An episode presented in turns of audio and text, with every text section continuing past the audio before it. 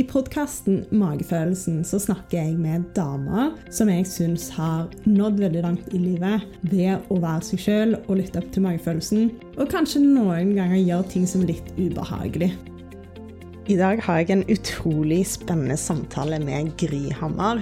Gry Hammer er ei dame som jeg ser skikkelig skikkelig opp til, fordi at hun har bana vei for veldig mange andre som ser på livsstil på en litt annen måte. At den skal liksom gjøre oss bra. En ting som jeg syns er utrolig inspirerende med Gry, er hvordan hun håndterer motstand i livet. Hun har mottatt en del negativ oppmerksomhet begrunnet av arbeidet som hun gjør. Jeg syns selvfølgelig det er utrolig frustrerende å se på, og derfor så hadde jeg lyst til å snakke med henne om hva hun gjør for å stå gjennom dette her, og hun gir noen fantastiske råd til alle som går gjennom prosesser hvor de ønsker å skape endring i samfunnet. Gry gir gode tips om hvordan å la ting prelle av seg, og hvordan å manøvrere et landskap som ikke nødvendigvis gjør oss gode naturlig. Hun har selv erfart hvordan en ikke så positiv livsstil kan påvirke kroppen, og er utrolig nysgjerrig på løsninger som gjør at vi får det bedre med oss sjøl. Det er ikke sånn at en livsstil som gjør oss som mennesker bra, nødvendigvis faller oss naturlig. Vi har en tendens til å velge mat som vi craver, som ikke gjør oss bra på lang sikt. Vi har en tendens til å gjøre for mye og bygge opp et stress i kroppen som òg bryter ned kroppen. Vi snakker om vanskelige valg, vi snakker om tilrettelegging, og at vi er nødt til å møte folk der de er. Jeg satt igjen iallfall med veldig mange gode tanker og mye nysgjerrighet etter samtalen min med Gry, og det håper jeg at du òg gjør. God lytt. Som eh, oppsøker deg, eller leser bøkene dine, eller folk som eh, har sagt at de har hatt glede av arbeidet ditt. Mm. Ser du noen typiske symptomer som de går rundt og ignorerer? Eller som de kanskje har ignorert i forkant? Som de har tenkt ja, men det er så vanlig, så det, det skal sikkert være sånn. Ja, det er jo følelsene sine, det. Det at en har kobla seg på samfunnet, alle andre, og ikke seg sjøl. Det er vel det jeg ser mest. Og at veldig mange er stressa og ulykkelige i hjertet sitt. Mm. Hjertet blør hos mange av dem. Mm. Man bærer på mange sorger og masse um, fysiske smerter og livssår som ikke er bearbeida. Det er veldig mange av de som kommer til meg. Stressa folk. Ja. Stressa damer. Stressa menn mm. som kommer til meg. Så det er de symptomene. Og det er jo, det er jo vi lever i et samfunn der det er det intellektuelle, det rasjonelle, det lineære som råder. Og da er det ikke så mye rom for å kjenne etter hvordan du egentlig har det. Nå mener jeg at livet er jo en kamp. Det er lidelse. Det går ikke an å gå gjennom livet uten å lide. Mm. Og jeg tror heller ikke det er meninga. Jeg tror ikke du får med deg alle livets fasetter, med mindre du må ned, du må ned i noen daler, og du må også lyse litt ned i mørket for å få det vekk. Mm. Det, det, er vel egentlig det, de som kommer til meg, det er de som er drittlei og er klar for å gå seg sjøl i møte. Mm. Og så trenger det litt krykker på veien. ja. ja. Er det noe spesielt som du da veileder de til? Er det noen sånn standardting som de, du anbefaler de å starte med? liksom? Slutte å misjonere med en gang du har begynt å forstå noe nytt. Så konsentrer deg om deg sjøl først. Skap de endringene for deg. Um, det man Før, når Isak var liten, og det var mer sånn sykdomsfokus på det jeg formidla, kosthold og helse og, og, hvordan det hang sammen, så trakk jeg, trakk jeg til meg en del slitne mødre som var veldig opptatt av å ville så at det systemet de var innenfor, ikke hjalp ungene, og ville gjerne ha råd om ernæring for å få hjelp. Og hvis du er veldig stressa og veldig trøtt og sliten, og så skal du begynne å raspe kål og lage surdeigsbrød i tillegg, så mm. vil det stresset og den overveldelsen kanskje skade mer enn gjøre til gagn. Så når jeg traff sanne, veldig, veldig triste og stressa og slitne mødre, så, så sa jeg gå heller altså fem minutter, ti minutter med yoga nidra hver dag. Til du har funnet deg sjøl igjen og funnet litt hvilepuls, så kan du begynne å holde på med alt det her andre. For det er litt omfattende å sette seg inn i. Mm. Og så er det jo den helhetstanken. ikke sant? At jeg sier at vi, Det er derfor jeg ikke hører hjemme verken i den ene eller andre båsen. fordi jeg sitter ikke bare og tenker på hva du skal ete, og hvordan du skal behandle det. Jeg tenker like masse på øh, sjela mi, hvordan jeg kan nære den. Uh, hele mennesket. At jeg er et emosjonelt vesen. Hva som skal til for at jeg skal ha det bra der. Det handler jo ikke bare om surkål og, og hvordan du behandler en matvare. Helse og det å leve et godt liv på jord handler om så mye mer enn bare, bare én komponent. Mm. Jeg hørte nylig sånn med IBS at faktisk så kan det være ja, 50% til maten, men 50% er veldig ofte stress. Mm.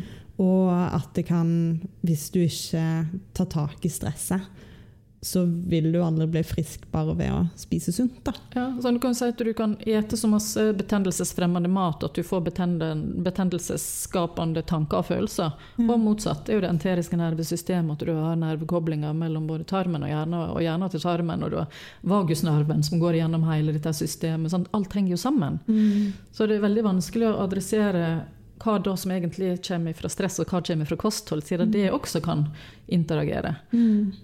Det, men det du sier, forteller bare at vi er hele mennesker, og vi må tilnærme oss helhetlig. Men av og til så kan det forandre fjell og forandre kosthold. ikke sant? Og det kan være en, en vei inn til en større og bredere forståelse. Du kan si at Det er veldig mange som har kommet til meg først pga. tarmproblem, fordi det er det folk liker å se på meg som hun er fermenteringsdama, og, og tenker at det er det hun Gry holder på med. Og når da, Du må bare ha en inngangsport inn til et bærekraftig tankesett. og Enten det da er surkål som er inngangsporten, eller det at du mediterer og har lasta ned en av meditasjonene mine på, på hjemmesida mi, eller hva nå enn det er. Bare du får en inngangsport, så kan du åpne nye dører til bevissthet og, og helhetstankegang. Mm. Så det er veldig mange som har begynt med å raspe surkål, og nå er opptatt av å ete regenerativ mat, altså mm. kjøtt og grønnsak som kommer fra det regenerative landbruket. Uten at det var egentlig det de var opptatt av, men de har åpna ny forståelse og økt bevissthet. Mm. Hva gjør så stress med kroppen vår? Ja, herregud. Det kan du jo snakke om. Hvis jeg ikke snakker om i fem år, men du kan jo si veldig kort, da. Du får dårlig fordøyelse, du blir trist, og du blir dum. Mm. Mm. Når du stresser, så er du i en kampmodus. Du skal jo handle raskt. Så det blir ofte lite gjennomtenkte handlinger og setninger du slenger rundt deg til dine nære og kjære. Og, eller gode tanker til deg sjøl, kanskje. Når du stresser, så tenker du sikkert ofte at 'å, jeg skulle ha tida til det, jeg skulle ha klart å gjort mer', 'jeg er ikke bra nok, dette her fikk jeg ikke til'. Og det blir veldig negativt. da. Det blir en negativ spiral. Påvirker alt negativt. Mm. Er det noen spesielle sånn, kroppslige symptomer som uh, folk kan kjenne på? Som liksom for, for, litt stress er jo på en måte kanskje normalt, men liksom, når det begynner å bli for mye, da. Ja, stress er jo livsviktig, det er jo kjempeviktig å ha den mekanismen i oss. Mm. Men det blir jo skadelig når vi ikke lytter til at vi kjenner på de symptomene. Og symptom kan være alt ifra vondt i magen, hodepine, eh, at du kjenner at du er spent i kjeven. Kjenner noe om du sitter du spent i kjeve og tunge, eller slapper du av. Eh, pusten din, den, eh, går ned i magen eller den helt opp i halsen og brystet? Sover jeg godt? Hvordan er bæsjen min? Er den løs eller hard? alt, det der, alt det der er jo resultat av eh, også stressnivået ditt. Mm. Hvordan er relasjonene mine? Så det er mange symptom på stress. Mm. Mm. Jeg syns det er fint å tenke sånn, da. At det kanskje se på livet og hva du kan ta tak i, og hva som kanskje ikke stemmer. Og jeg tror det er mange som mener at de ikke er stressa, og så er de kanskje det. mm. Ja, mm. jeg tror det.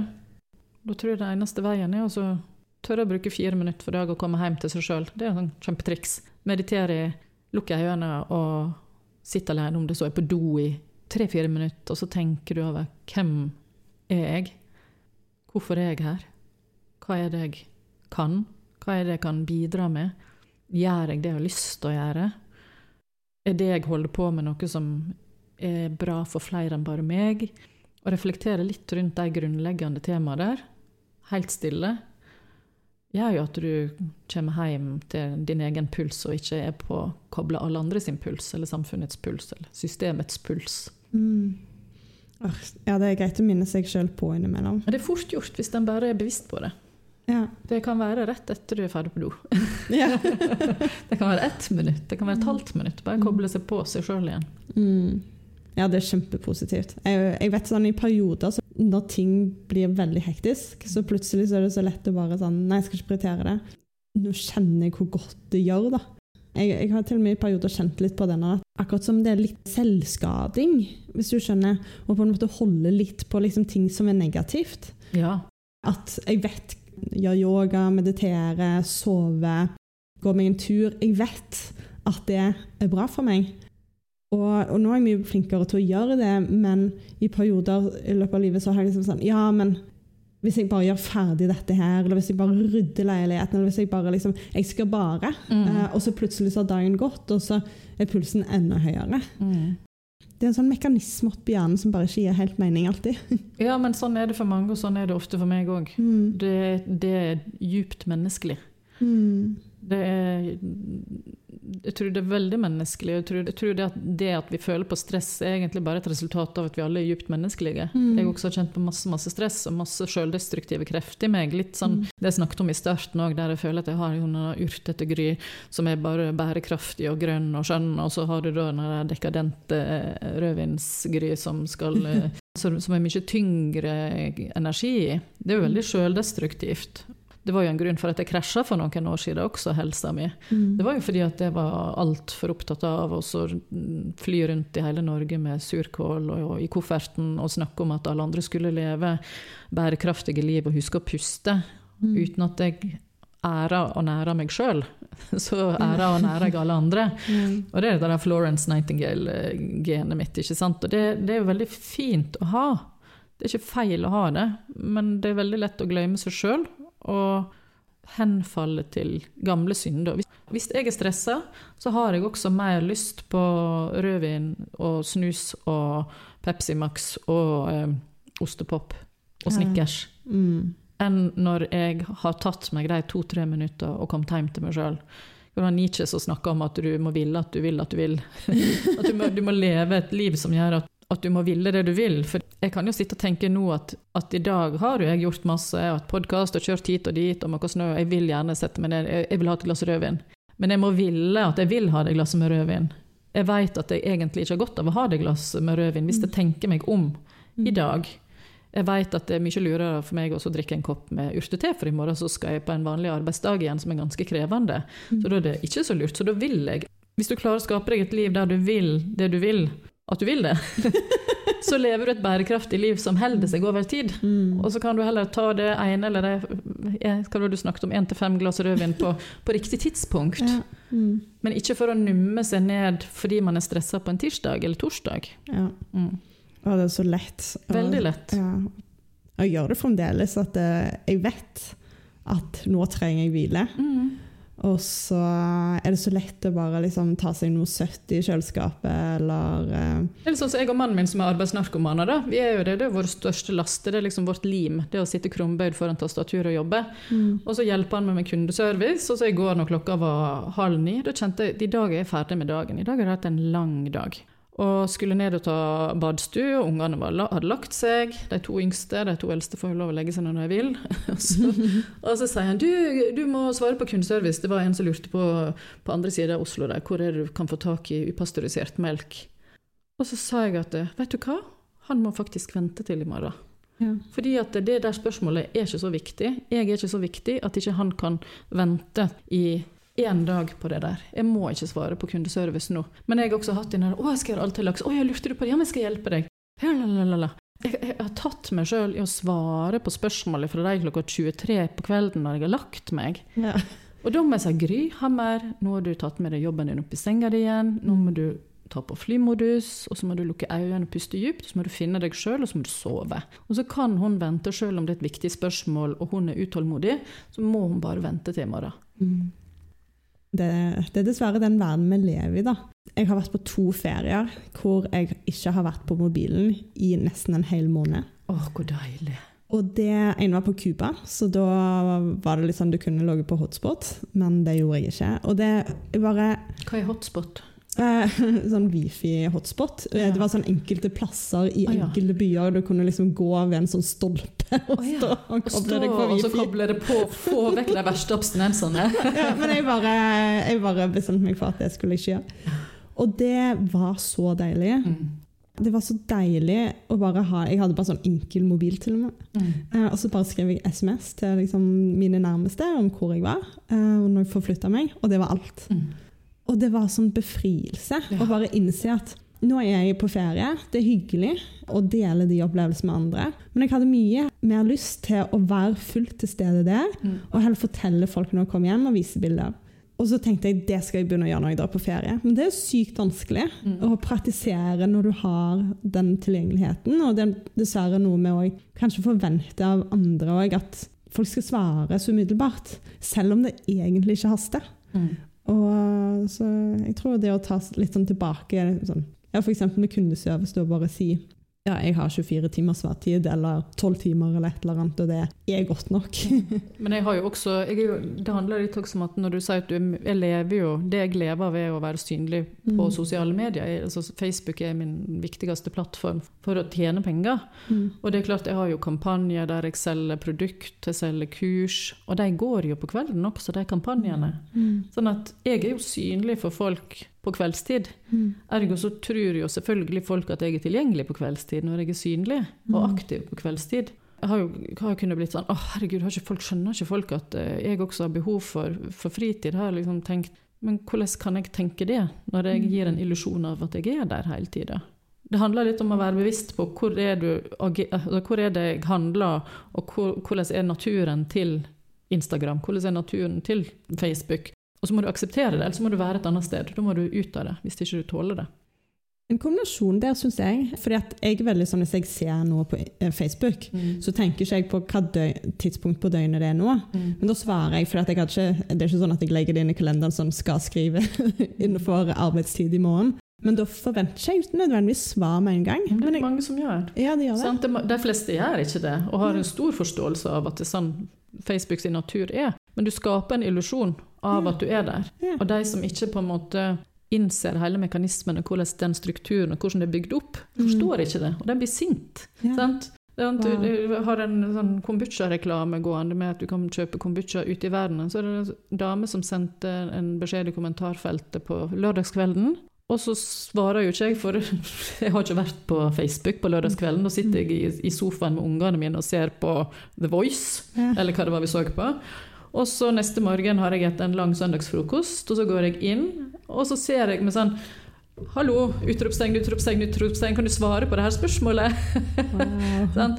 Og min gamle Gry vil bli trigga av det. Mm. Men jeg er jo bevisst på hvordan mekanismen er, hvordan det framstår for henne. Og så svarer jeg saklig. Altså for to år siden så kunne jeg svart altså at eh, du, du skal bare vite, beklager at jeg ikke har svart, men eh, nå var det slik at jeg eh, prioriterte familien min i går kveld, og nå har jeg spist en lang frokost med familien min, men nå er jeg klar. Mens nå bare svarer jeg saklig på spørsmålene istedenfor liksom prøve å forklare eller forsvare. fordi at det går ikke å gjøre alle til lag, så du kan ikke forvente at alle skal forstå akkurat hvordan dette er, eller at vi alle er på samme sted. Sant? Mm. Det er komplisert. Ja, men det er vel noe med sånn du sier, å bare la det prelle av og, ja, og leve det livet du har lyst til å gjøre, og kanskje ikke tilrettelegge rundt alle rundt seg heller. Det går ikke. Man må ha en viss, sånn, ikke nødvendigvis ironisk distanse, men ta vare på seg sjøl Mm. oppi alt. Det er en liten distanse. Mm. Hva type endringer ser du blant de folka som får hjelp av deg, og som eh, tar tak i ting som du råder de til? De blir roligere og mer helhetstenkende og snillere med seg sjøl og får mer energi. Og blir mer bevisste på hva de har lyst til å bruke dagene sine og timene sine på. Mm. Får du noen sånne typiske tilbakemeldinger? Det er ofte damer, da, så ofte snakker de om ungene og, og mennene sine som har kommet seg ut av sofaen og fått mer energi og sover bedre om natta og konsentrerer seg mer. Mm. Og så ser jeg det jo på måten de svarer, spesielt de som liksom fulgt meg og vært med meg i mange år og er med på nye ting som jeg finner på, nye sprell. Så de virker roligere og gladere, litt sånn tryggere i seg sjøl. Hvordan jeg merker det, det er vel på måten de snakker på, måten de skriver på, eller at kan, jeg kan få sånne rørende fine tilbakemeldinger om at eh, livet har forandret seg, og, og tusen takk, liksom. Det er jo selvfølgelig veldig fint, men jeg er veldig opptatt av at eh, altså når jeg har møtt, Nå er det ikke lov å klemme lenger, men jeg har jo ofte møtt folk på ulike arrangement eller tilfeldig 'Å, kan jeg få lov å gi deg en klem?' Og, og står og ser på meg som jeg skulle vært noe sånn helt spesielt. Og da, da bruker jeg å altså, jeg syns jo sjøl at jeg har noe fornuftig å si. Mm. Jeg vil veldig gjerne være med og skape en forandring, men jeg vil at det skal være noe jeg sier som folk tar til seg og gjør til sitt eget. Mm. Sånn at de kan forandre livet sine i kraft av den de er, og ikke gi meg 'Å, du har gjort uh, så masse for meg', og så, så, det har du gjort sjøl for deg. Ta krafta di tilbake, og ikke gi den ifra deg til meg, eller opphøg meg til noe. Jeg har ikke lyst til å være noe sånn. Jeg får ofte sånn uh, fermenteringsguru og sånn rare sånn stempel på meg, og det syns jeg jeg vil egentlig ikke ha det. fordi jeg, jeg, har lyst til å gi kunnskap som du kan bruke til å styrke deg sjøl til å ta tak i ditt eget liv og leve et mer bærekraftig liv og ta bedre valg. Mm. Eh, det, er ikke, det er ikke meg det handler om. Jeg snakker jo egentlig om min reise og mine erkjennelser og mine oppdagelser, og hva jeg har sett er lurt for meg. Mm. Og så viser det seg å være litt hensiktsmessig for flere enn bare meg. Det er jo egentlig det som er mekanismen der. Mm. En ting jeg syns var veldig interessant, jeg eh, husker jeg leste et innlegg eh, som du hadde skrevet om dattera di. Om den sånn tunge mandagsfølelsen, som veldig mange kaller eh, mandagsblues eller whatever. Og at det tror vi liksom handler om at å, helg er gøy og mandag er kjipt. Og så skrev du et innlegg som handla om at det faktisk kan handle om den maten vi spiser, og at den kan påvirke hvordan vi føler oss mentalt og fysisk én til to dager etterpå, fordi det tar litt tid før liksom, dette her reagerer i kroppen. Kan du forklare det? Det er jo en helt klar sammenheng her. Så tar det helt sånn ekstremt. Jeg har jo en sønn med en alvorlig hjertefeil, og når han har eh, gutter på besøk, som han sier, og de tyller i seg masse smågodt, har vært nede på butikken, sitter oppe, skriker og roper og gamer og bruker masse energi. Um, da trenger han to dager på å komme seg. Og Mm. liksom 'Mamma, har du en kopp kraft?' liksom dagen etterpå. Ikke sant? Og det, det koster på en måte da, å kose seg på den måten. Og i går så var jeg lag med ei venninne i Oslo, og hun var innom bak det godt brød, var det vel, Mm. og kjøpte svart kaffe og en sånn stor sånn eh, hvetebolle med sånn masse gult inni. Mm. Og jeg elsker dette gule inni. Så jeg bare hamra i med det gule inni, og en stor svart kaffe. Og jeg er så puslete og sjølbevisst Mm. at eh, jeg koser meg jo intenst der og da. Jeg står ikke og tygger og tenker at oi, dette her er forferdelig. Mm. Men hele resten av den dagen så var jeg sånn, litt sånn småskjelven i kroppen. Og da tenkte jeg faktisk ut Det er veldig mange unge jenter som strever med psyken Mm. og føler på en veldig uforklarlig indre uro. Og den uroen jeg kjente i kroppen min i hele går etter den der bollen, den var både fysisk og psykisk. Sant? Så det er jo helt åpenbart at det er en sammenheng mellom det du eter, og hvordan du føler deg, hvordan kvaliteten på søvnen din er. Eh, Sånn som nå jeg begynner å få hetebølger. Altså mamma og bestemor begynner veldig tidlig. Jeg begynner tidlig, og begynner å få sånn hetebølger som kaster meg. I løpet av denne podkasten her nå så har jeg hatt to hetebølger. Plutselig må jeg ta med brillene, for de begynner å dogge, ikke sant? Ikke om du har sett det. Du har ikke lagt merke til det. Nei, så tørker litt svette fra nesa og sånn. Og det er klart at eh, jeg merker Altså hvis jeg drikker urtete og er flink til å ta avspenning og yoga og spise ordentlig mat, så sover jeg mye bedre om natta. Eter jeg hveteboller, og eh, det er lørdag og jeg drikker et par glass rødvin og kanskje har stressa litt en dag, så sover jeg alltid mye dårligere og har masse mer hetebølger. Kaster med dyna 15 ganger om natta. ikke sant? Og, så det er klart det henger sammen. Selvfølgelig henger det sammen. Mm. Og det er bare disse der mest hestete, sterke mennesker, sånn som mannen min. Han er sterk som en hest og har jevn energi hele tida. Han kunne spist gråstein og sikkert hatt den samme energien. Men han er kjempeheldig, han har et fantastisk utgangspunkt. Mm. Sant? Jeg har børta 40 antibiotikakurer i hele barndommen min. Så det at, eh, jeg er nok sikkert sånn, Grunnlaget mitt er ødelagt på livstid, så jeg må være mye mer forsiktig. Og selv om jeg lever mye sunnere og mye mer forsiktig enn de fleste andre, så blir jeg likevel sjuk, liksom. Mm. Så det er klart det henger sammen. Jeg vet ikke om det var et langt svar på mandagsbluesen. Nei, jeg syns det var egentlig et godt svar. Hvorfor tror du det er blitt så vanlig å akseptere ubehag og smerter? Fordi livet er ubehagelig og smertefullt. Og det er sånn det er sånn det er å leve.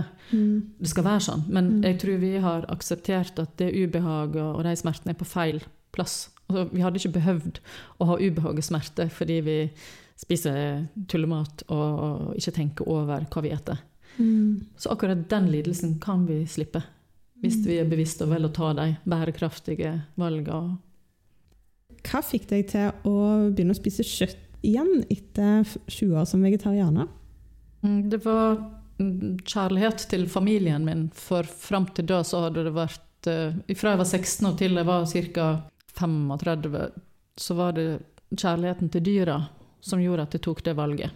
Og ikke ete kjøtt. Og jeg kan jo fremdeles ikke stå for det. Men vi var hjemme på Vestlandet, og da var det en lokal bonde som hadde laga fenalår. Og så hadde det vært mobilt slakteri der, så alt var veldig kortreist og det var så bærekraftig som det kunne bli. Og så hadde mamma dette fenalåret hjemme, og så tenkte jeg ja, Vegard og mannen min sa Gi meg, sa han. Da hadde han levd på tofu og linsegryte i, i, i ti år. Så han var helt sånn dyrisk. Han sto med Isak på armen, han var sånn to år da. Og så sa han 'gi meg', sa han. Så tenkte jeg jøss. Ja ja, jeg kan skjære ei flis her. Og han åt, og så fikk Isak smake det. Og han åt, og han åt, og han åt, og han åt. Og så var det helt sånn dyrisk respons på det der. Så tenkte jeg her, her er det noe han trenger. Dette her er noe gutten min trenger. Og jeg kan ikke la min idealisme gå på bekostning av mine barns helse. Han var allerede sjuk.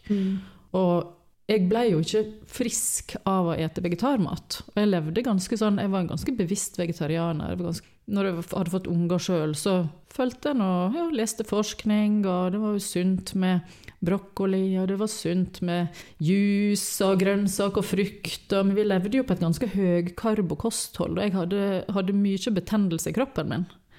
Sånn at jeg var ikke noe spesielt frisk i kroppen min sjøl om jeg var vegetarianer. Jeg hadde bare god samvittighet for dyra.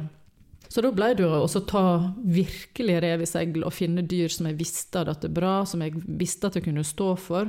Begynne å kjøpe Det gjør jeg enda. To lam i året ifra en slektning som slakter på gården, så de bare kommer ned fra fjellet, og så, og så er det bare et blink, og så er det over. Og det er så vidt jeg kan stå for det, for jeg er veganer innerst i hjertet mitt. Jeg eh, sier unnskyld til makken når jeg er grev i hagen og han går i to. og jeg syns det er helt forferdelig å gå på tur i skogen og trampe på maur, f.eks. Det er jo uunngåelig. Ja.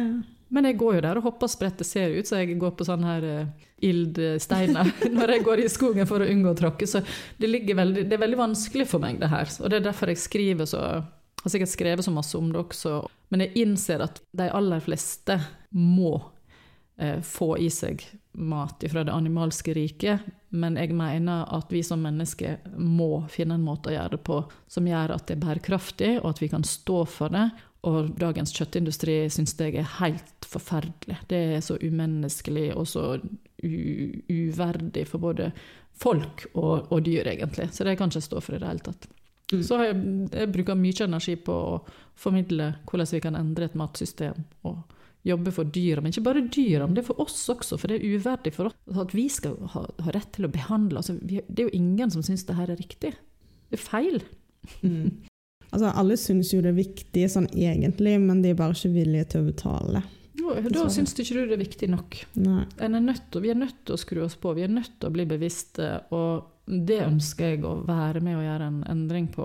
Og jeg har lenge prøvd å gå vekk fra det der sinnet som jeg kjente på, og den sorgen som jeg kjenner på over å se og virkelig forstå hvordan det vi egentlig holder på og behandler disse her stakkars skapningene. Eller mennesker, da, i vår utbyttelse. Det, med, det er mange som mener at vegetarmaten er den eneste redninga. Mm. Men hvis vi ser hvordan hele matsystemet er bygd opp, så er det jo veldig mange mennesker som blir utnytta og utbytta i, i produksjon av plantekost. Mm. Og bønner og, og, mais og uh, Det er veldig komplekst. Det er veldig, veldig komplekst. Mm. Og det er sikkert derfor det er lett å lukke øynene og tenke uff, ja, nei, dette her får ikke gjort noe med. Mm. Men det er for enkelt. Tilbake til å være en bevisst forbruker og huske at der du legger pengene, der investerer du i fremtiden. Ja, og hvis alle setter seg ned i fire minutter hver dag og virkelig tenker over hvem er jeg, hvem er jeg egentlig, hva er det jeg gjør, hvilke handlinger gjør jeg hver dag, hva kan jeg stå for, hva skal jeg bidra med for å gjøre verden til et bedre sted, så tror jeg hvis alle hadde gjort det, så tror jeg ikke det er noen som hadde akseptert at det er sånn som det. Nei, altså, jeg tror det er ganske mange som lener seg litt på at ok, så er det en del produksjon i Norge som er bedre enn i andre land. Men det meste maten vi spiser her i Norge, kommer ikke fra Norge. Og veldig mye av maten til dyra som vi spiser, det er også produsert i andre land. Og der er det jo potensielt sånn at bøndene blir skikkelig syke. Mm. Og ungene blir veldig syke Mm. pga. alle disse giftstoffene de får i seg. Jeg har reist mye. Det er ikke så bra på mitt bærekraftsregnskap, men det har gjort meg veldig bevisst på at jeg bare jeg vil ikke støtte det. Nei. Det er en av de tingene som jeg tenker det, det må jeg nesten bruke penger på. Ja. Um, ja. Vi har kunnskap nok i dag. Jeg tenker sånn som I Norge så du kan si at sau og lam det er jo så økologisk som det kan bli. Så Mm. bærekraftig som det kan bli. Helt til at de skal slaktes. Da blir de stappa på en eh, stor eh, bil, og så blir de frakta. Veldig mange blir frakta i opptil sju-åtte timer. Og de har knekte bein, og det er mange som er skada. Fordi vi har en sentraliseringspolitikk. At alle slakterier skal bli sentralisert. Og for en tiårs tid siden så var det ganske mange up and coming sånne her mobile slakteri. Og så viser det seg at det er ikke noen økonomisk modell som gjør at det er bærekraftig for de som har lyst å gjøre den jobben. Ære være de som har lyst å gjøre den jobben.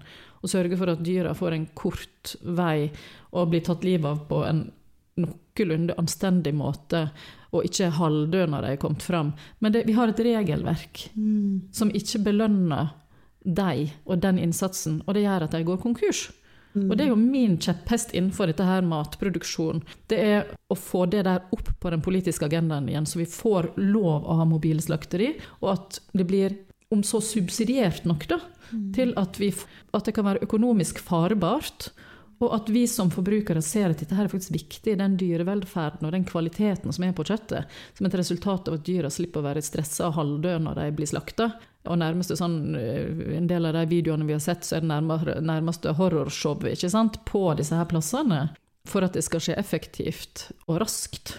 For at vi skal få det billige kjøttet vårt.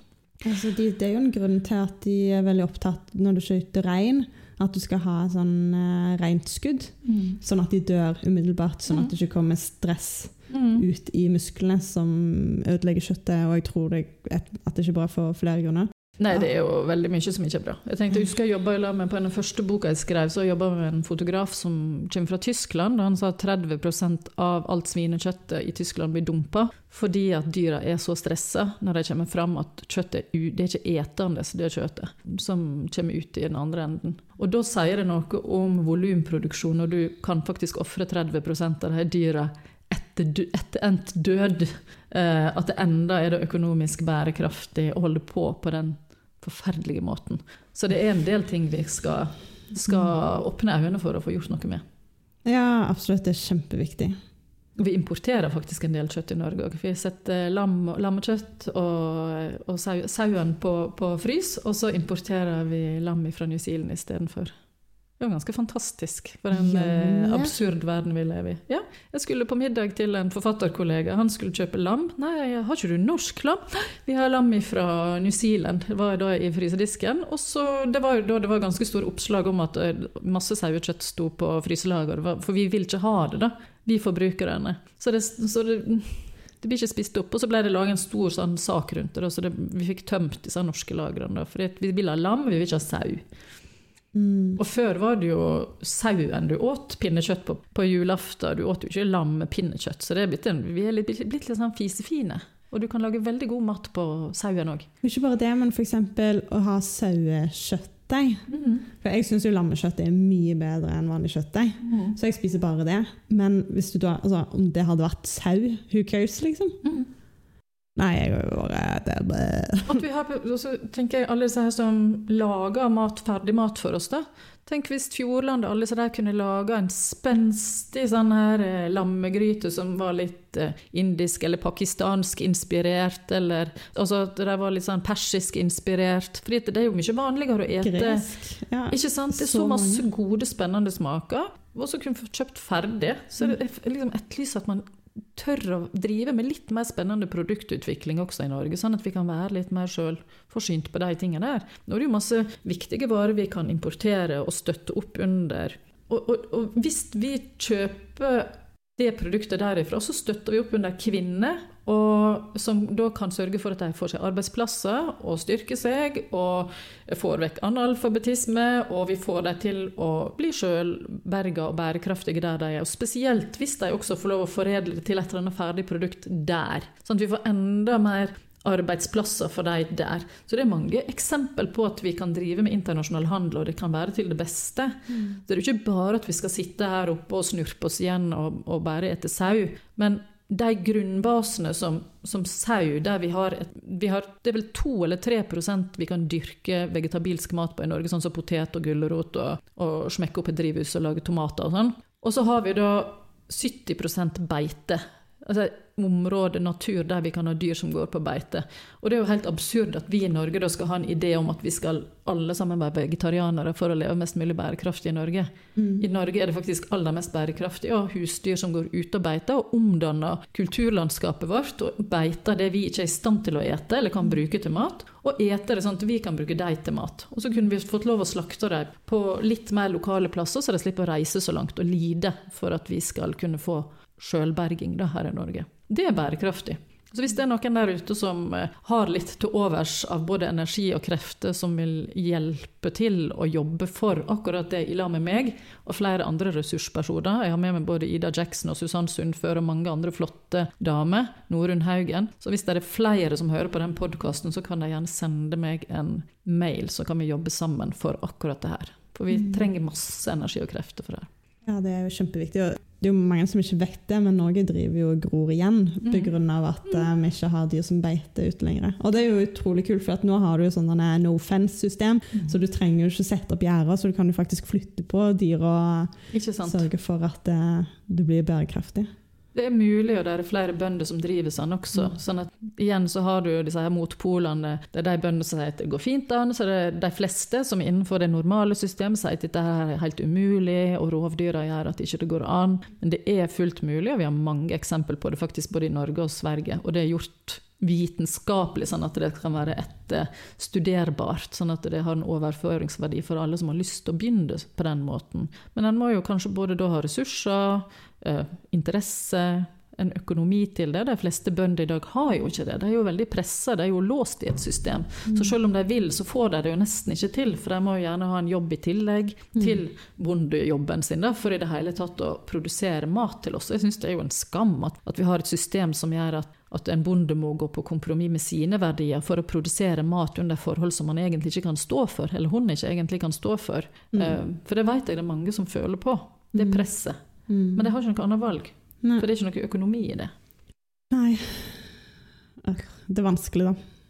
Jeg skjønner jo liksom, for det går jo mye penger allerede til jordbruket, men det handler vel kanskje om at vi må bruke teknologien på en måte sånn så vi kan støtte opp under bærekraft.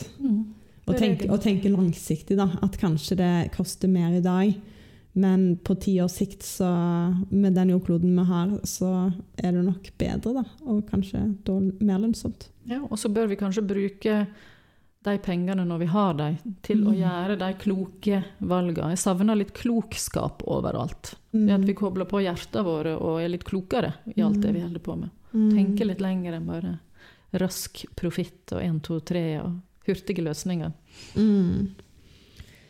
Mange veldig gode refleksjoner og dype temaer om strukturelle endringer. Ja. Så jeg tenker vi skal begynne å runde av. Men jeg har et sånne viktig spørsmål som jeg alltid stiller alle til slutt. Ja. Og det er litt for å liksom spice opp eh, stemningen ordentlig. Og det er hva er det pinligste du noensinne har opplevd? Det pinligste jeg har opplevd. Ja. Eh, det tror jeg er det pinligste. Fordi det er også skikkelig vondt i hjertet. det var når jeg var Og det er nesten ikke morsomt. Det, det er morsomt vondt. Ja. Mest vondt.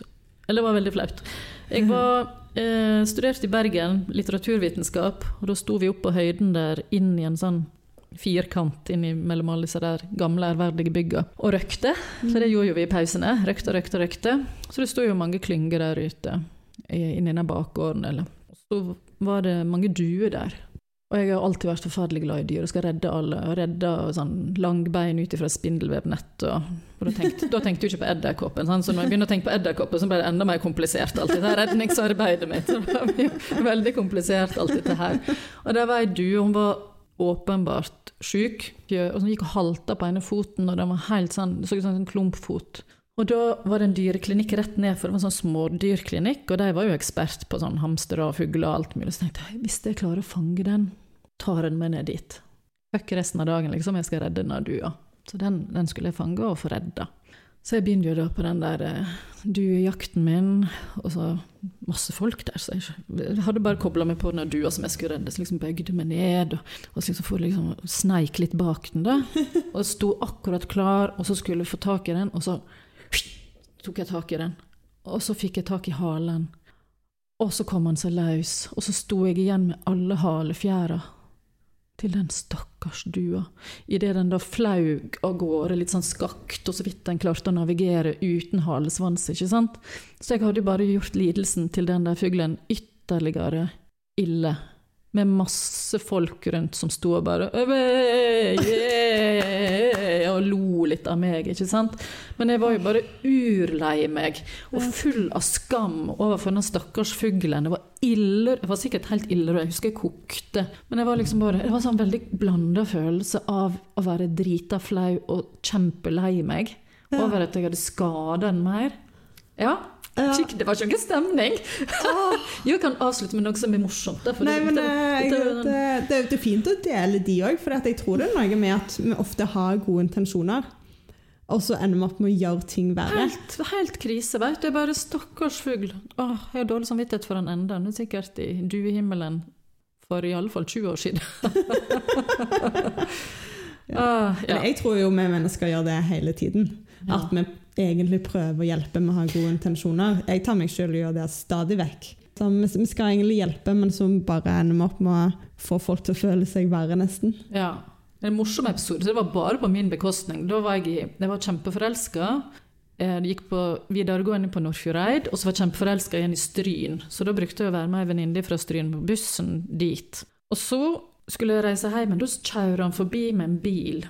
Og så kom jeg gående med ryggsekk og så eh, så jeg at han kom kjørende, og så eh, skulle jeg akkurat til liksom, altså, vinke, og så snubla jeg, og så datt jeg opp i en søleputt, som mageplask i en søleputt, med den ryggsekken over hodet. Og det må ha sett så utrolig komisk ut. Og jeg var liksom helt søkkvåte og blaut, og bare uff, ja, det var pinlig. Jeg har mange sånne flaue episoder. En gang satt jeg og prata med en på Det var året var på Nordfjordeid. Sommeren etterpå så kom jeg kjørende gjennom Eidsgata der. Og så så jeg en som jeg kjente. Det var ikke noe sånn amorøst mellom oss, men sånn, så jeg stoppa og satt og prata med han lenge. Og pratet, pratet. Og så skulle jeg kjøre videre, og så så jeg ned, og der var puppen ute. Og det hadde jo vært ute under. Altså, jeg hadde på meg sånn singlet, ikke sant. Åh, ja. Ja, enda en sånn puppehistorie du ha den òg, før vi gir oss på tampen. Ja, da hadde jeg, Det var her nede på Vik. Da amma jeg hun siste. Og så amma jeg henne i bilen, for jeg skulle inn på det Kiwi og handle i full fart. Jeg skulle skynde meg inn og handle. Så jeg amma henne i bilen. Hun var ganske lita, og så satt tante og søstera til mannen min satt i bilen og skulle passe henne mens jeg sprang inn og skulle handle. Så jeg gampa igjennom. Jeg husker jeg var ned i frysedisken, og så sto jeg i kassa og skulle akkurat til å betale. Sto noen foran meg og bak meg i kø. Og så ser jeg ned på lommeboka, der er puppen min ute. Den ammepuppen.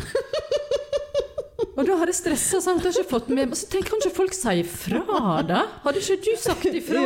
Hadde ikke pikka meg sånn lett på skuldra? Du, unnskyld, men eh, du vil kanskje Ingen som sier noe. Og så Nei, vet du hva, nå lyver jeg, for jeg så ikke det i kassa. Jeg var ferdig med kassa, Mm. og jeg kom ut med to bæreposer. Og da når jeg så ned, så så jeg at pupp, det var sånn det var. Du, jeg har glemt historien. Puppen gikk opp og ned, og så ser jeg fram, og så ser jeg, ser jeg søstera til mannen min gapskratte, for hun ser jo det samtidig som jeg ser det. Sånn var historien. Og jeg husker bare å tenke, kanskje noen der inne sier ifra? Kanskje nok, kanskje noen har sagt ifra? Ja. Så, ja. Jeg tror, jeg tror nok det er mange mødre som har opplevd akkurat det der, men ja. Det, det er faktisk Jeg tror det er veldig mange som syns det er flaut å si ifra, men det er jo mye bedre Mye bedre. for alle parter. Ja, du blir jo så takknemlig hvis noen sier ifra. Det er jo så pinlig. Godt er det å valse rundt med denne der løfsa i butikken. ja. Å, det er herlig. Tusen takk for gode historier og veldig mye fantastisk innsikt. Bare kjekt. Hvis du liker denne episoden, så lytt veldig veldig gjerne til noen av mine andre podkastepisoder. Jeg har intervjua noen av de kuleste damene i Norge, så her er det masse inspirasjon å finne. Jeg bare kjenner meg så beæra som har fått lov til å snakke med dem.